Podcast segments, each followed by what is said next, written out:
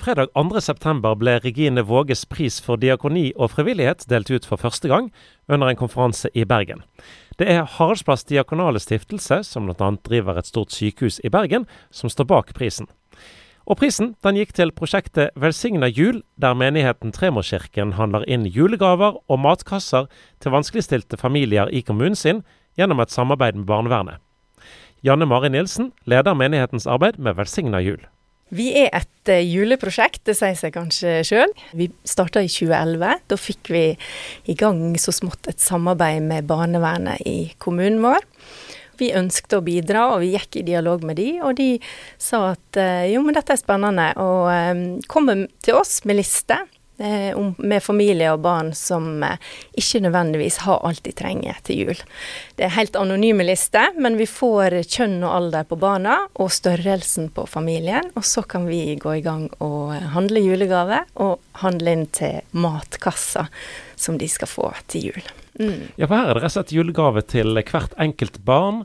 Og det er julegave til eh, far og mor, og det er til og med julegave til familien på fellesen òg?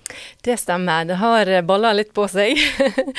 Men vi kjenner jo at det er fantastisk å få lov å gi. Så det begynte jo gjerne med gave til barna, men så eh, har vi jo òg disse her foreldrene eh, med på lista, og vi kjente at det var veldig fint å få lov å gi en julegave til samtlige på, eh, på listene våre. Og så har vi da en liten sånn familiekoselig ting som de kan gjøre sammen, eh, ja, som en sånn familiegave i tillegg. Ja. Men du, hvordan eh, prøver For det er jo kjekkest å gi noe som eh, folk har lyst å få, noe som er kjekt å få, men når dere ikke kjenner akkurat hvem det er. Du vet uh, kjønn og alder, på en måte, og that's it. Hvordan uh, da velge en god gave? Ja, det Altså nå har vi fått litt erfaring. Vi har prøvd oss litt fram. Uh, men et av kanskje de beste triksene er å engasjere resten av menigheten. Og hvis det er familier i menigheten vår som har barn på samme alder, så har vi gjerne oppfordret dem til å ta barna deres med på denne her fine julegaveshoppingen. da.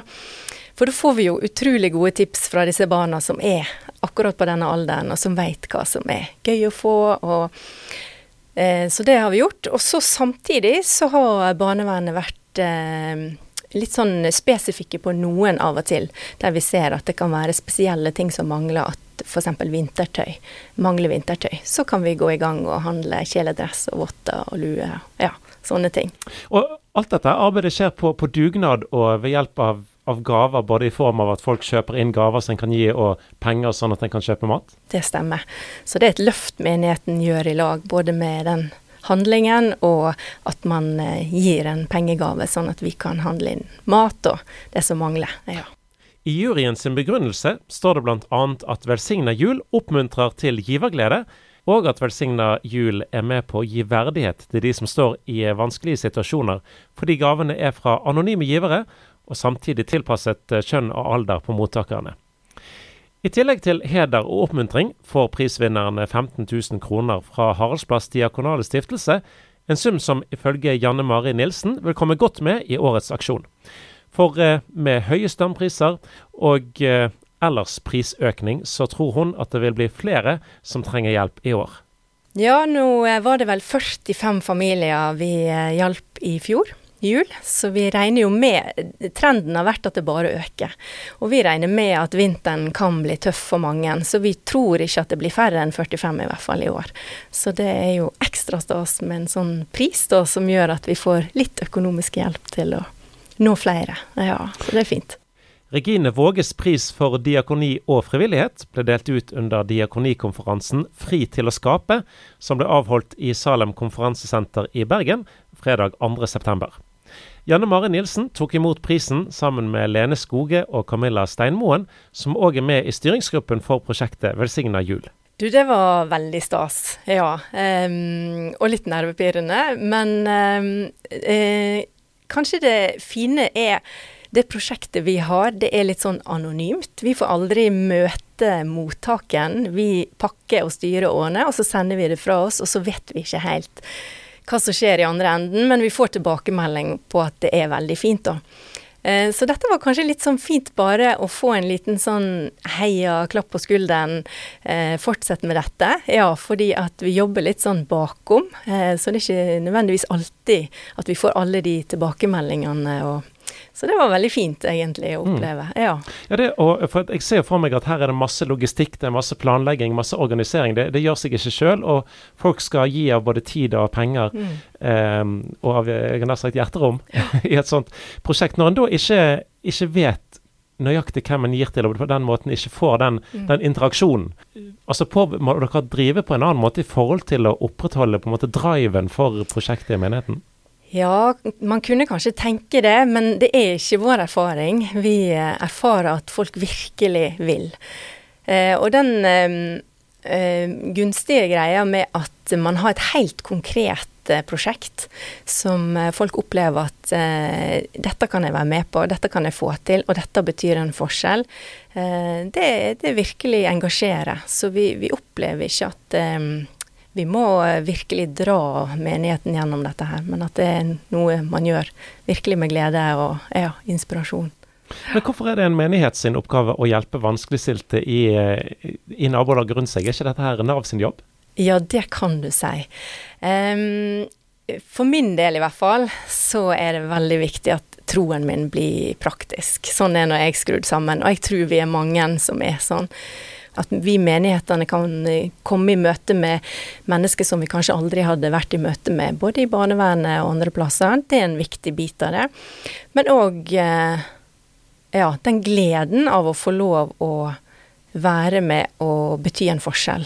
Det er fantastisk. Så, så etter mitt mitt smak, så, så, er dette helt naturlig en del av det vi skal gjøre. Ja. Mm. Vi snakket i sted om eh, det med å drive et arbeid som menigheten engasjerer seg i, men der en ikke har et direkte møte med de som en hjelper, fordi at det er mm. barnevernet som står for utdeling av matpakkene og uh, julepresangene. Mm. Uh, men andre veien, da, for de som mottar dette her, merker de hvem det er som står bak? Ja, um, vi har fått lov til å legge ved et eh, julekort med en julehilsen fra menigheten vår. Og det har vært veldig fint, for det er noe med å bare sende en liten hilsen og si god jul og håpe at dette kan bety en forskjell. Så det, det har vi på en måte lagt ved i matkassen. Og, eh, og når vi sier at ikke vi møter mottaken, så er jo det riktig, men vi har jo av og til folk som har oppsøkt oss og kommet og takka. Så, så, det har vi erfart, at de har funnet veien, litt sånn knotete vei opp i et kjøpesenter der vi holder til. Da. Så det er ikke alltid lett å finne oss, men eh, de har funnet veien opp og, og har bare lyst til å uttrykke at eh, ja, dette gjorde forskjellen. Og, og bare sånne småting at uh, vi har fort, fortsatt av den brunosten som vi fikk. Og da skjønner vi litt hvor vi er. Sant? At dette betyr mye. Ja, at uh, den maten og, og gavene har betydd en forskjell. Ja. Og Tremarkirken det er altså en menighet eh, tilknyttet Misjonssambandet. Og så er dere altså har lokaler i et kjøpesenter på Straume ut forbi, mm. uh, ut forbi Bergen.